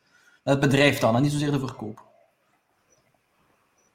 Ja, ik denk uh, dat sales daar uiteindelijk wel voor gebaat heeft, maar dat dat wel lang geduurd heeft, dat dat moeilijk is. Ja, dat, dat, dat, we, hebben, we hebben zeker struggles gehad met die merch en, en, en, en ervoor zorgen dat, dat dat... Ik denk dat het altijd beter kan, eerlijk gezegd. Hè. Dus, dus, um, maar ik denk nu wel dat dat van benefit. Um, zeker, ja, toch wel. Lieven, um, jij daar veel keuzes van? Wij waren een pure dienstenbedrijf natuurlijk, hè, dus uh, we zijn ondertussen uh, um, ja, bijna twintig jaar later, hè, um, so to speak, sinds, sinds de verkoop. Ja, een dienstenbedrijf, er is niemand uh, van medewerkers die twintig jaar bij een bedrijf blijven, dat is zelden. Hè. Dus eigenlijk kunnen we vaststellen dat er vandaag in, in die organisatie, die bestaat nog, hè, die business bestaat nog, en dat de twee van de mensen die er toen al uh, na verkoop aanwezig zijn, vandaag nog, nog zijn. Hè. Ja. Um, en die hebben natuurlijk uh, vandaag een positie van, van, van managing director of, of director. Ja. ja. Ons zie je dat ook, de mensen die daarin passen in die, in die nieuwe structuur, die blijven, die zijn, die zijn gelukkig en die, die, die, die, die groeien echt in hun jobs. Dus dat is nice om te zien. Ja, maar je hebt er ook veel die, die, die, die weggaan omdat ze niet in die structuur passen. Dus de merge is echt iets super moeilijk. Vandaar, ah, ik denk daar veel over na, Hoe, hadden we het anders kunnen doen of beter kunnen doen. Of, of, ik denk de korte pijn. Veel meer. Bij, bij Intio was het zo, we mochten twee jaar full autonomous blijven. En dan gingen we trage merge doen en dan ondertussen, dus ja, tijdens die acquisitie gegroeid, maar je moet andere processen en je neemt mensen aan, maar je neemt ze nog aan onder de vlag van Intio. Maar eigenlijk is het al een ander bedrijf. En eigenlijk, uh, op een bepaald moment maakte dan toch die switch en dan komt er een besef van ja, we zijn nu eigenlijk wel een ander bedrijf. Het is een groter bedrijf, dus je hebt andere processen. Het is, het is, het is, het is, het is anders. Een enterprise is altijd anders werken dan een start-up. En dan hebben we toch wel mensen die daar niet in passen. En die gaan dan weg. En dan krijg je dus toch wel een groot verloop. Um, en dat duurt. Duurt een tijdje tegen dat ze weer mensen aannemen, dat die kennis terug is. En dus vandaar dat ik zeg, nu is dat goed. Uh, maar we hebben natuurlijk die, die pijn, die groeipijn gehad. En ik denk persoonlijk, had ze mij gevraagd om iets anders te doen, dat, dat ik het korter zou doen. Dat ik direct had gezegd van, bij aankondiging, vandaag zijn we, oh, hebben we een nieuw pet op. Punt. Iedereen die het niet leuk vindt, is dan beter dat we nu weggaan. We gaan heel veel mensen aannemen nog. Maar dat we ze direct aannemen onder de juiste vlag, zodat die mensen zich ook... De culture is super belangrijk, en identiteit en, die identiteit die daarbij voelen is ook belangrijk. Um, ik denk dat we daar, dat we daar misschien iets dat dat anders hadden moeten doen. Um, maar ik had nooit geweten hebben natuurlijk, of dat dat beter was of slechter. Um, hoe, hoe heb je die communicatie naar je werknemers gedaan? Want dat is, dat is veronder, je hebt het op een paar weken tijd, is dat eigenlijk beslist in jouw geval, Jules. Uh, uh, weet ik niet, maar dat is, dat is toch een, een, een even schrikken dan. Heb je dat dadelijk gecommuniceerd toen die, toen die intentie er was? Of heb je dat pas gecommuniceerd toen het getekend was en alles was eigenlijk beslist? Ja, Absoluut. Ik ga even 10 seconden onderbreken, want ik zit met de zon in mijn ogen. Dat is geen probleem. Geen probleem. Um, Nee, hè, dus, want er is een heel moeilijke periode. Hè. Dat is een soort van cool-down, lockbox periode. Um, en um, ja, je zit natuurlijk in due diligence, maar je organisatie weet dat niet, je, personeel weet dat niet, klanten weten dat niet. Kan ook nog altijd afspringen, hè, dus je moet heel voorzichtig daarmee zijn. Wie, wie weet gebeurt er iets. Dus uh, nee, absoluut. Er zijn maar bepaalde mensen in de organisatie die dat weten. En dan is er nog een periode na due diligence en dan signing. En dat is ook misschien nog een week of twee weken. Um, en ja, alles moet je goed voorbereiden. Hè. En je weet dat zelf natuurlijk. Dus zelf zijn je super happy, maar je moet dat toch nog allemaal goed coördineren. Um, en je moet dat goed aanpakken. En voor veel, ja, het, is moeilijk. Het is moeilijk. Sommigen zien dat als een shock. Uh, anderen zien dat als een gigantische opportuniteit.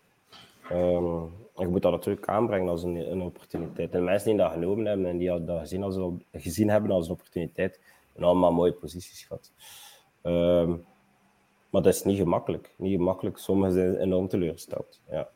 Anderen niet. Uh, ik denk dat je... We zijn nu... Ja, bij Henschman proberen we anders aan te pakken. We zijn transparant en we zijn ambitieus. We zijn hyperambitieus. We zijn altijd 100 miljoen. Uh, wie weet wordt het een miljard. Um, wie weet ook niet, maar iedereen weet wel, oké, okay, guys. Als je een unicorn wordt, uh, Gilles, dan gaan we nog eens een podcast doen. Ja, wel, voilà, voilà.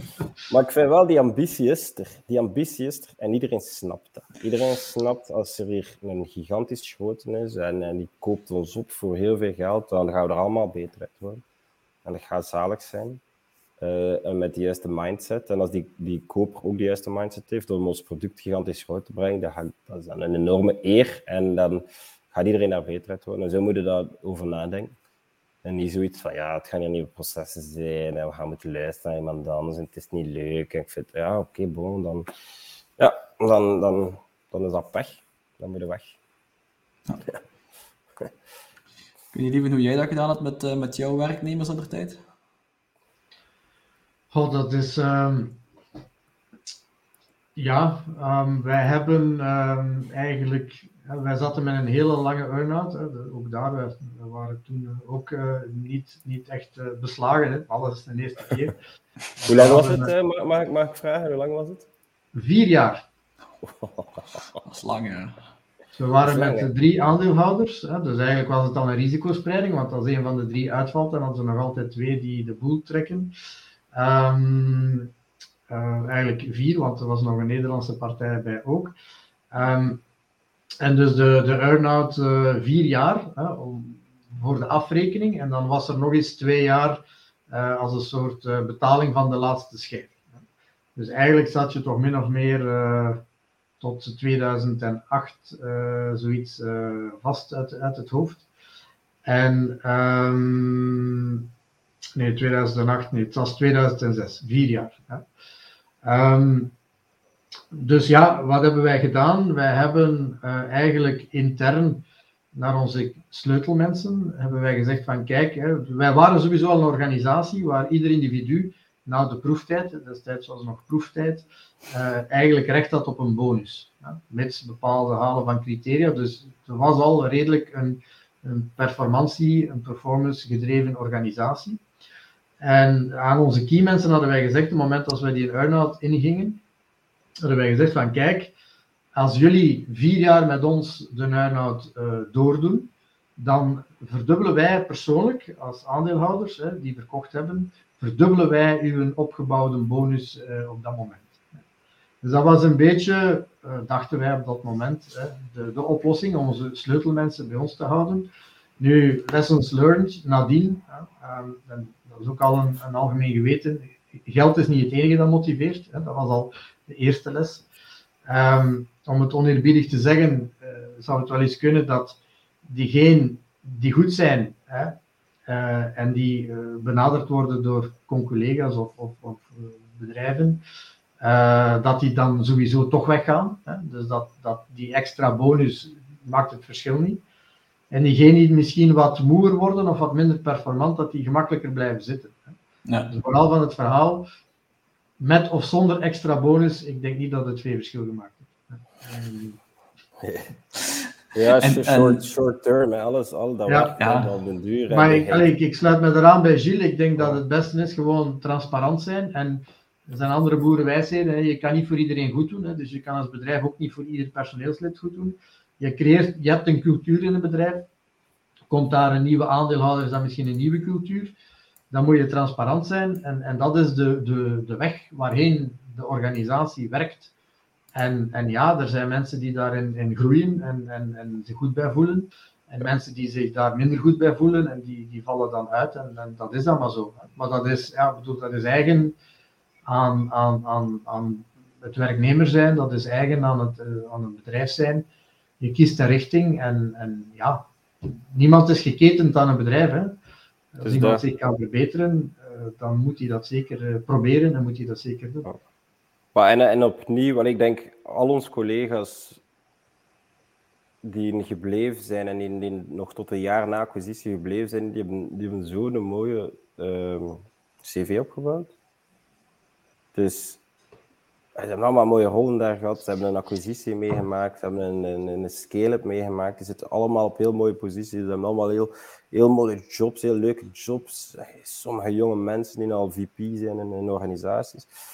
Uh, en anderen vinden, de, de vinden er weg wel. Ik denk, uh, we zitten echt in een business dat, dat, dat, super schaars is. Talent is super schaars. Dus iedereen vindt een nood aan een nieuw job. Uh, maar wat voor mij veel belangrijker is, post-acquisitie, is zijn uw klanten.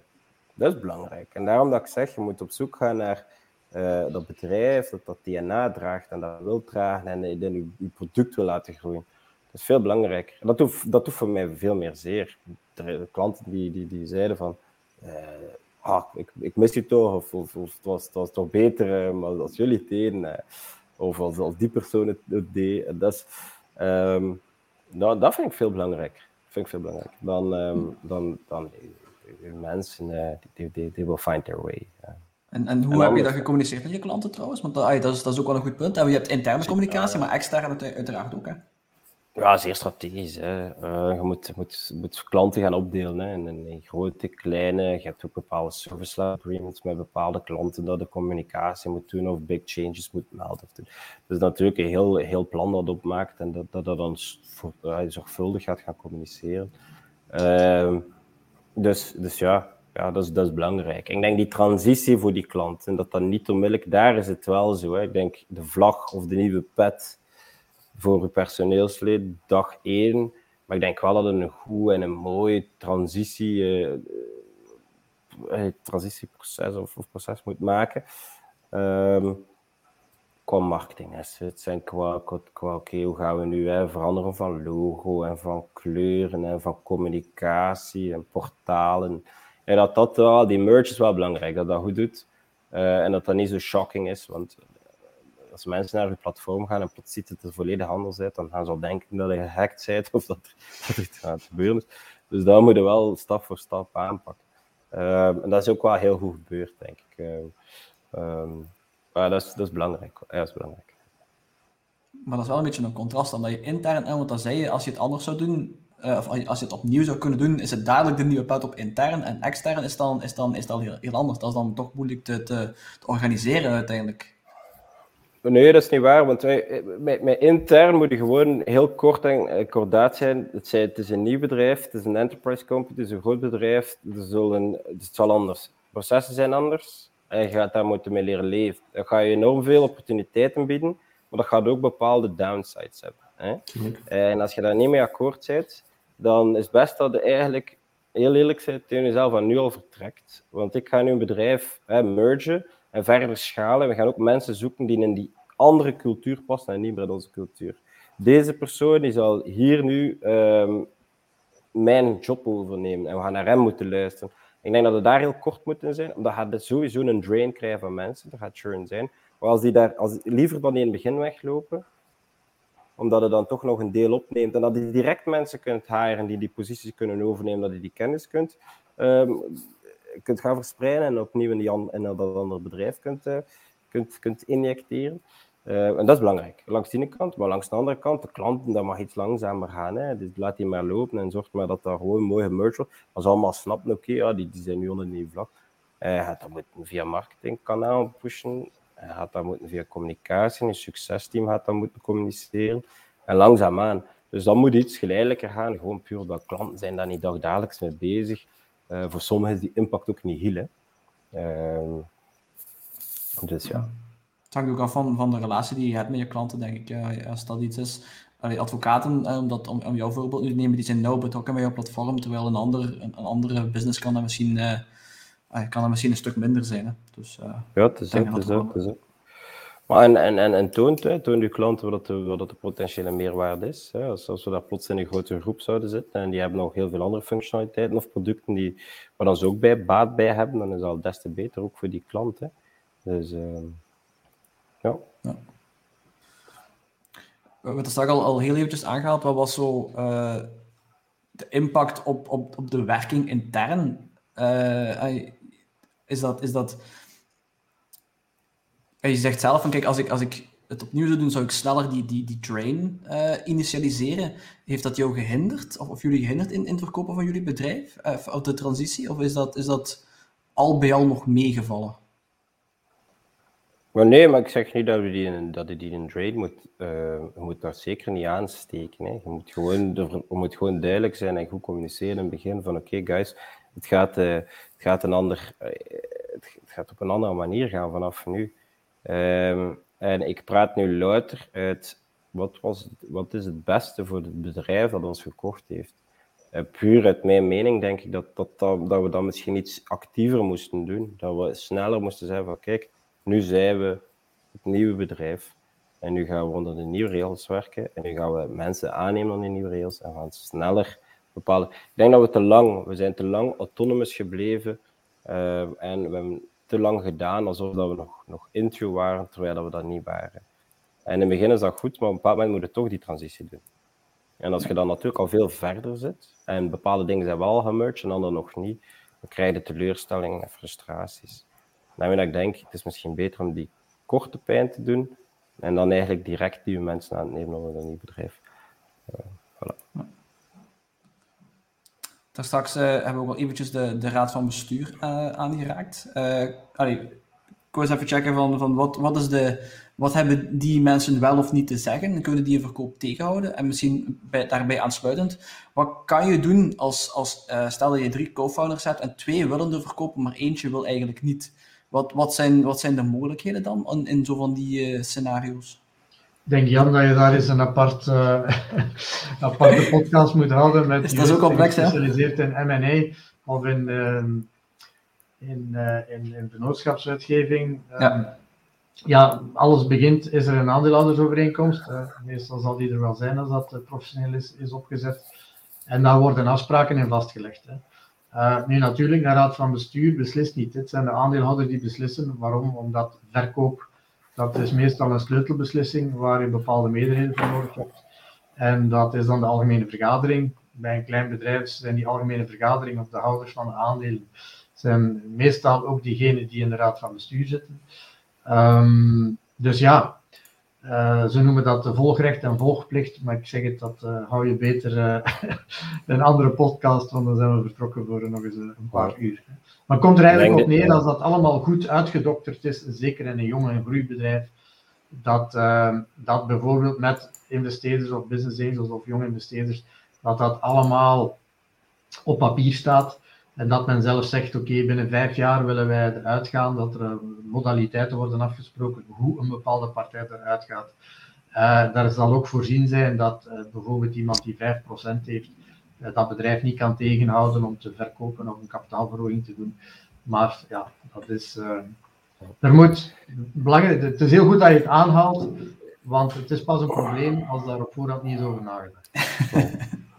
ik denk de essentie is hier gewoon. Um als het een goede deal is, dan, dan zal op, op het einde iedereen wel snappen van oké, we moeten verkopen. En als je dat goed kunt, kunt communiceren naar iedereen, kleine en grote aandeelhouders, dat, dan zowel dat alle founders en alle neus in, in dezelfde richting zullen staan. Dus pas als er een fairness wordt gevoeld, dat je al die mechanismes van uh, drag along, tag along en noem maar op uh, in het leven moet roepen. Ik denk dat dat, uh, je vermijdt dat liever. Hè? Je wilt gewoon een goede deal doen en, uh, en iedereen goed laten inzien dat dat een goede deal is. Dat is belangrijk. Ja. ja. sowieso. Maar ik denk ook dat het een beetje afhangt van hoe dat je zelf in het leven staat. Hè. Ik denk, sommige mensen uh, die, die, die willen, hè, we hebben het vandaag al een paar keer gezegd, denk die willen lang in een bedrijf staan, de derde familiebedrijf is gevallen, dan moet daar niet noodzakelijk, maar die willen, die willen standvastigheid, terwijl andere mensen die doen niks liever dan bouwen. Hè? Dus het, het, de eerste twee, drie jaar is het interessantste voor die mensen. En als je daar een mismatch hebt tussen, tussen de verschillende co-founders, als je dat niet op voorhand besproken hebt, ja, dan kan je achteraf wel tegen, tegen zo'n die vervelende situaties lopen. Dus ik denk dat initieel het, het, het, goed bespreken wat je wil, hè, waar dat je wil staan binnen 5, 10 of 15 jaar, ik denk dat dat een, een, een goed begin kan zijn om zo'n discussie te vermijden natuurlijk. Ja, absoluut. Een goede advocaat, hè. dat is belangrijk, hè. Een, een, contract is er voor het moment als je dus niet in consensus dergelijke dingen uh, beslist en dat je daarop moet teruggrijpen. Maar ja, het is uh, belangrijk dat je er op voorhand uh, over nadenkt. Ja. Uh, wat ik de laatste tijd ook heel vaak zie, is, is dat je zo van die, van, van die kleine ondernemingen, uh, dat, die, dat die verkocht worden. Je ziet zo van die websites, ik kan er nu zo op de top van mijn head niet zo, niet zo zeggen, uh, maar dat, dat mensen iets heel klein uitbouwen, en dan spreek ik echt over omzet van, van een, van een 20.000 euro, iets dergelijks, en dat dan dadelijk al te koop opzetten. Dat is precies alsof mensen niks lievers doen dan bedrijfjes maken om te verkopen. en dan gaat dat meestal zo via, van die, via die, die kleinere websites. Uh, ik weet niet of dat iets is wat, wat, wat jullie kennen, waar jullie ervaring hebben, of wat, dat jullie, allee, wat is jullie mening daarover, dat dat precies zo de, de passie voor het ondernemen zo weg is? On, ons huis heeft destijds uh, spaargidsen verkocht, bijvoorbeeld. Uh, we hebben ook hypotheekwinkel verkocht. Oké, okay, dat zijn geen kleintjes niet meer. ik heb um, bedrijf, een handelsfonds verkocht, waar die een aantal URL's had in de reiswereld. Hè, dus die was eigenlijk, ja, noem het een uit de kluiten gewassen blogger, die dan vakanties.be, ik noem maar iets een hoop URL's had en, en die websites onderhoudt. Ja, maar dat gebeurt dus. Hè? Maar wie zijn de kopers? Dat zijn mensen die daar vanuit advertising en een marketingperspectief interesse hebben om, om, in die, om die plaats op, op, op het web te veroveren. Ja. Dat zijn, ja. ja. ja. Persoonlijk weinig ervaring mee. Um, ja, ik weet wat je bedoelt, hè. maar um, ja. allee, voor mij is het vooral opmerkelijk dat precies er is precies zo de, de, de tendens om, om snel, snel 10.000 euro te krijgen. Zo. En, en, en het echte ondernemen ontsnapt precies veel mensen. Uh, terwijl dat je, dat je uh, wat jij zegt, Jill, je wilt je bedrijf groot maken. Je hebt een, echt een, een target voor jezelf gesteld waar je naartoe wilt gaan. En, en dat, ja, door zo van die kleine, snel, snel geld verdienen methodetjes, om, ay, gaat het ja, echt ondernemen ondermijnen. Allee, de bedragen waar je over spreekt, dat, dat, dat passeert niet bij ons. Hè. Uh, nee. Daar heb ik geen ervaring mee. Maar allee, ik kan wel bevestigen dat daar, uh, ja, dat daar mensen uh, dingen opbouwen en, en redelijk snel uh, doorzetten. en de kopers zijn dan meestal die, ja, die zeggen van tja, ik, ik kan dat gebruiken, ik zit in de reiswereld en als ik dan die onafhankelijke website erbij kan nemen, enfin, zo onafhankelijk en zo onschuldig is dat allemaal niet, hè, maar YouTube is ook niet onschuldig, met alle influencers die daarop zitten. Um, ja, dat is een businessmodel. En alles begint van de, bij, bij, het begin van onze podcast. Hè. Waarom verkoop je? en dat is niet om één reden, dat is een combinatie van. En een ondernemer die onderneemt, die, Gilles is duidelijk, die, en, en zijn founders die hebben een strategie en die gaan ervoor. En er zijn er anderen die zeggen van ja, ik, ik bouw een website uit en ik heb het been there, done. Uh, zien wie dat, dat wil, hè, zoveel volgers. Uh, ik heb uh, die advertising deals met die partijen. Oké, okay, doorverkopen en iets nieuw beginnen. Hè. Dus dat is hoe dat de ondernemer daarin staat. Ja. Stel als jullie, of wat zou jullie aanraden aan mensen die zeggen van kijk, ik, ik wil mijn bedrijf verkopen, maar wat zijn zo de, de dingen waar dat ze ook moeten concentreren om je bedrijf zo interessant mogelijk te maken voor, uh, voor een mogelijke overneming. Omzet is daar uiteraard zeer belangrijk, hebben we vandaag al, al uitvoerig gecoverd. Maar uiteraard, allee, er, zijn, er zijn ongetwijfeld nog meer aspecten die belangrijk zijn om de waarde te, te bepalen van, uh, van onderneming. Hoe gemakkelijk de transities van, van bedrijf 1 naar bedrijf 2 komt daar ook bij kijken, veronderstel ik. Ja, traction, traction is van bedrijf tot bedrijf verschillend, denk ik. Je hebt bedrijven die kijken naar daily active usage of logins. Uh, is het B2B, is het B2C? alleen maar zeggen B2B, het allerbelangrijkste, als je het voor veel geld wilt verkopen, is dat je mooie multiples kunt doen. Growth, month over month growth, quarter over quarter, year over year. Enorm en exponentieel. En dat je gaat gaan focussen op die, die, die recurrente omzetten. Hè. Als je daar uh, een mooi bedrijf in uitbouwen, dan kun je focussen op verkoop op ARR en niet verkoop op EBITDA. En dat is... Uh, speelt dat een heel groot deel. Het verschil is, hè, EBITDA is natuurlijk je opbrengst min je kosten. Als je kijkt naar um, ja, puur uw ARR, dat is uw recurrente omzet. Hè. En die stijgt jaar over jaar met die recurrent is. Dus jaar 1 verkoopt je bijvoorbeeld een miljoen. Stel je voor dat je geen, geen churn hebt, dus verlies van je klanten. Dan begint je het volgende jaar met 1 miljoen. Hè. Als je dan weer 2 miljoen erbij verkoopt, begint het jaar daarna aan 3 miljoen. Hè komt er weer drie bij, dan is al zes. Dat blijft stijgen. Dus daarom dat dat zo aantrekkelijk is ook. Hè. Um, natuurlijk zijn andere metrics super belangrijk. Hè. Je hebt geen churn, dus verlies van klanten. Hoe snel kun je blijven schalen? Kun je bijna jaar over jaar verdubbelen in groei? Is dat is dan uh, de compound, compounded average growth rate. Hè? Uh. Ja. voilà. Maar ja, eh, bij andere bedrijven is het misschien totaal anders. Ja, maar ik, Gilles, ik, ik, je hebt dat eh, heel mooi samengevat voor wat ik zal maar algemeen noemen de tech-industrie uh, betreft. Daar zijn daar inderdaad zeer belangrijke parameters. Hè. Groei, MRR, maar dan samengevat ARR van annual en churn, een zeer belangrijk gegeven. Voor de klassieke business, ja, ik zeg het, dat is dan een waarderingscursus die je daarover kan geven. Er zijn een aantal waarderingsformules die we hanteren, hè, die zijn inderdaad hoofdzakelijk voor de meeste sectoren uh, gefocust op EBITDA, op cashflow. Dus dat is één uh, belangrijke parameter. En uh, een andere belangrijke parameter, dat is um, kopers hè, gaan proberen toch altijd de koopprijs maximaal bankair te financieren. En uh, als je natuurlijk een bedrijf koopt dat, uh, en het een volgt uit het andere, hè, dat dus een beperkte winstgevendheid heeft, dat heeft meestal ook een beperkte vrije cashflow. Want een bedrijf dat, dat een zekere winstgevendheid heeft en ook nog leningen moet afbetalen, ja, hè, die worden afbetaald van hetgeen er. Hè, dat staat niet in de resultaatrekening. Dat zit, dat zit onderaan, dat zie je niet die afbetalingen. Dus als je dan de winst hè, uh, plus je niet-kaskosten, dan heb je je cashflow, daar gaan je leningkosten, niet kosten, maar leningaflossingen af. En dan schiet er nog iets over. Um, ja, en als dat niet veel is, dan, uh, dan ga je moeilijk een bank gaan vinden die zegt: Oké, ik ben bereid die overname te financieren. Hè. Dus los van parameters, financiële parameters, is daar de financierbaarheid voor de kleinere ondernemingen speelt daar ook een uh, belangrijke rol in. Als je een bedrijf bijvoorbeeld een KMO van een miljoen transactiewaarde um, uh, wenst over te nemen en je zegt oké, ik wil bankair gaan financieren, hè, dan is er zowat de, zijn er twee regels in de ogen van de bank. Eén, grosso modo moet de koper 30% eigen middelen leggen. Hè, dus stel de prijs is een miljoen, wil dat zeggen dat hij 300.000 euro eigen middelen moet verzamelen of zelf leggen en 700.000 euro moet gaan financieren. Twee voorwaarden.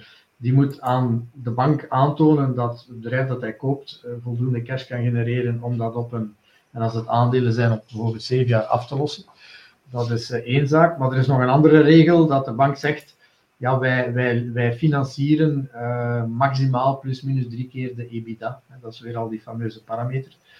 Um, en stel dat die EBITDA, uh, dat die, uh, dat die 150.000 euro is, dan, ja, dan zie je al dat, dat die bank gaat zeggen, wij gaan dat niet financieren, want 150 maal 4, dat is 450.000 euro dat we maximaal financieren en je vraagt er 700. Dus dan is er maar één oplossing, dat die koper nog meer eigen middelen in dat bedrijf gaat steken. Dus je ziet, dat, zijn, is een andere dynamiek, andere parameters dan diegene die gelden in, uh, in echt uh, technologiebedrijven. Ja, het hangt er heel sterk vanaf van, van de sector waarin je zit. Hè. Ik denk voor freelancers is dat, is dat nog bijzonder, omdat allee, een freelancer kan in principe wel een, wel een mooie klantenportefeuille opbouwen, maar in principe, allee, die verkoopt zijn uur, ja. zijn, zijn uurtarief eigenlijk, maar veel meer dan dat. Allee, kan een freelancer eigenlijk zijn, zijn, zijn bedrijf verkopen, of is dat, dat is moeilijk, denk ik, hè? Dat is moeilijk, hè, omdat dat de persoonsgebonden is. Hè. Uh, wat verkoop je? Je verkoopt jezelf. Ay, in de veronderstelling dat je als freelancer helemaal alleen bent, hè, dan is nog de vraag van, ja, ben je freelancer als een eenmanszaak of ben je freelancer via een BV hè, of een andere juridische structuur? Maar ja, dat is een moeilijke. Hè. Uh, dat, is een, uh, dat is een moeilijke. Ja, nu, wat wel kan, zeker in, de IT-sector, uh, dat, dat, is misschien niet, niet, representatief voor iedereen, maar je hebt wel een klantenportefeuille natuurlijk. Dat heeft toch ook een, een bepaalde waarde? Ja, absoluut. En als die klantenportefeuille, dat dat bijvoorbeeld, ik zeg zo maar iets, uh, jaarlijkse onderhoudscontracten zijn, hè, dan heb je iets, hè, dan zitten we weer al in het verhaal van een recurrente uh, omzet. Hè, want ja, volgend jaar heb je het product dat je daar hebt neergezet bij je klant, heeft u onderhoud nodig of van iemand anders. En dan heb je wel iets tastbaar.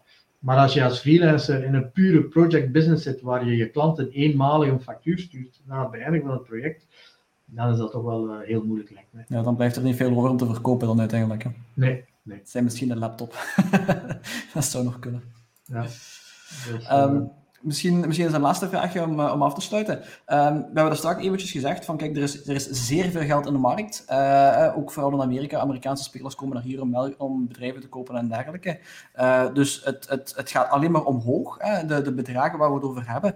Um, maar er wordt ook vaak gesproken van dat er, dat er een bubbel bezig is. Um, dat, er, dat er misschien een, een nieuwe crisis aankomt. Is dat iets wat jullie zien gebeuren? Hebben jullie daar angst voor? Houden jullie daar rekening mee? Bij, bij, en vooral misschien lieven dan, bij, bij, het, het, bij het voeren van, uh, van, uh, van de bedrijfsvoering op dit moment?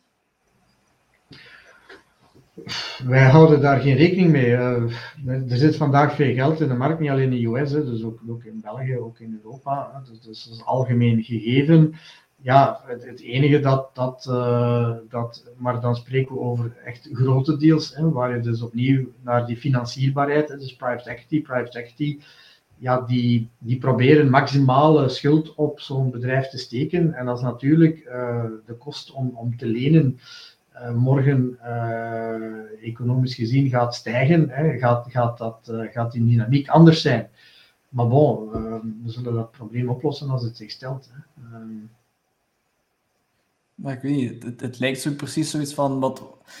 Enfin, dat, is, dat is natuurlijk speculatie, maar dat dat als de crisis zich zou voordoen, als, hè, want dat is uiteraard een grote if, dat het dan uh, plots heel wat minder gemakkelijk gaat zijn om bedrijven ja, maar de, de, vraag, Jan, is: wat, wat is dan een crisis? Hè? Bedoel, ja, ook al. Allee, we, hebben, uh, we zitten eigenlijk nog in COVID. Hè. We zitten nu weer in een soft lockdown, zal ik het maar noemen. In Oostenrijk is het een lockdown, in Nederland uh, ook al voor een groot stuk dus allee, de, de, economie in, in, in M&A, fusies en overnames, heeft nog nooit zo, zo hard gedraaid. Hè. Er is nog nooit zoveel groeigeld naar bedrijven gegaan. Dus eigenlijk, ja, wat is een crisis? Hè? Dus we zijn hier wel heel hypothetisch uh, mm-hmm. aan het antwoorden op uw vraag. Hè. Het, is, het is alleen ding duidelijk.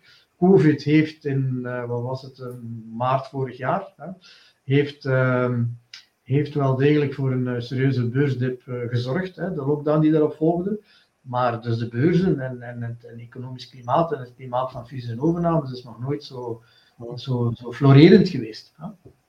Dus de vraag is, als COVID al niet uh, de zaak lam gelegd heeft, weliswaar hè, voor een bepaald moment, ja, uh, maar de zaak is heel snel terug hersteld, ja, dan is de vraag van over, over welke crisis moeten we dan hebben dat, dat dit echt stilvalt. Hè. Persoonlijk zie ik, het zal anders zijn. Hè. Er zullen misschien iets minder deals zijn. Hè? Ze zullen misschien minder kunnen financieren. Dat is een andere discussie.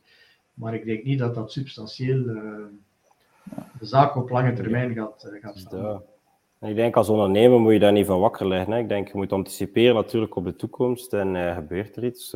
adapt, change en, en ga verder. Hè. Um, ik denk als we daar moeten van wakker liggen van potentiële crisis die op ons afkomen, of dan, ah, ja, bon, dan, dan, ja, maar ik zeg ook niet dat we moeten gaan speculeren op ah, de meteoriet vliegen ook nog altijd de aarde, dus dat, dat, kan ook nog allemaal, maar het is gewoon dat ja, er, het is nog nooit zoveel geld in de markt geweest. Hè. Ik heb er nu al van verschillende mensen gehoord, ook verschillende bronnen gelezen en wat dan ook. En, en allee, ja, op een bepaald moment moet dat... Moet dat maar één drijver is het rendement. Hè. Dat is een gevolg van door het feit dat, ja, hè, bedoel, op het moment als je beheerder bent van, van miljoenen, hè, dan, dan betaal je bij sommige banken betaal je al een negatieve rente om je geld daar te zetten. Dus het geld zoekt rendement. Hè. Tuurlijk. En dat is een van de drijvers waarom er zoveel geld naar bedrijven gaat, omdat je daar, ja, je investeert direct en je, je hebt, een, je hebt een rendement. Hè. Um, de moment, wat dat is allemaal koffiedik kijken, dat, dat morgen terug rentes van... Uh, van vele decennia geleden, waar dat je 6% op je spaarboekje hebt, ja, dan gaat de wereld, uh, eh, 6 of meer, hè, gaat de wereld er totaal anders uitzien. Allee, totaal anders. Ja, ik denk wel niet dat dat iets is. Dan moet, je, dan moet je een, ik stel voor dat je dan een podcast houdt met macro-economen.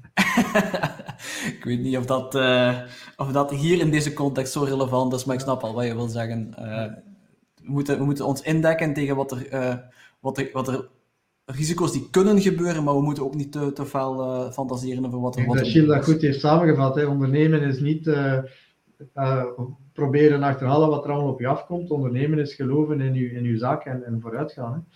En adapt waar het nodig is. Hè. Ja, sowieso. Uh, nee, goed. Uh, heren, dan ga ik jullie heel hartelijk bedanken voor de tijd die jullie hebben vrijgemaakt. Ik vond het zeer interessant. Ik heb in korte tijd zeer veel geleerd. Um, en ik denk dat, uh, dat de mensen uh, die hier naar zo luisteren, dat die dat ook wel uh, gaan kunnen zeggen. ik, ga er toch, ik ga er toch vanuit. Um, ik ben heel benieuwd naar hoe het, hoe het verhaal van Henchman gaat, gaat eindigen. Um, dat, ik ook. Jij ook, en kijk, kijken we naar alle. We gaan dat zeker volgen op de sociale media. Ja, doen, ik, doen. Ik heb toch gezien dat je weer op zoek bent naar nieuwe mensen, dus dat is alleszins toch al een, een goed teken. Hè? Dus dat, dus, dat. Ja, oké. Nee, kijk, maar bedankt ook. Uh, het was interessant, ook lief om, om jou te leren kennen. Um, voor mij ook uh, leuk inzichten. Ja. Goed. Oké. Okay. Lieven, heel veel bedankt. En uh, misschien kunnen we op elkaar op een, op een andere manier ook nog wel eens, wel eens eventjes verder hebben. Oké. Okay. Perfect, dat is goed. Doei. Dank, Jill. Tot later. Bye bye. Hallo allemaal en bedankt voor het luisteren naar deze aflevering van de Business Mindset Podcast. Hopelijk was het voor jou net zo interessant als voor ons tijdens het gesprek en heb je er één of meerdere dingen kunnen uithalen voor jezelf of om anderen te helpen in hun onderneming. Voor meer informatie over mijzelf, de gasten of tools, boeken of concepten die we besproken hebben tijdens de podcast, kan je altijd terecht in de omschrijving van deze aflevering. Heb je genoten van de podcast? Vergeet dan zeker niet om het te delen op social media. Dit helpt ons enorm om te groeien en om een groter publiek te bereiken. En hoe sneller we groeien, des te meer tijd we kunnen vrijmaken voor interessante gesprekken waar we zowel zelf als jullie iets kunnen bijleren. Heb je verder vragen of heb je feedback over wat we besproken hebben tijdens de aflevering? Of tips of verzoeken over onderwerpen die we kunnen behandelen? Of wil je iemand aanraden als gast tijdens de podcast? Laat het dan ook zeker weten. In de omschrijving van deze aflevering vind je een link naar alle social media accounts van de podcast en daar kan je ons altijd op bereiken. Volg ons zeker ook op social media, dan blijf je altijd op de hoogte van de nieuwste ontwikkelingen en van de volgende afleveringen. Thanks again en tot de volgende keer.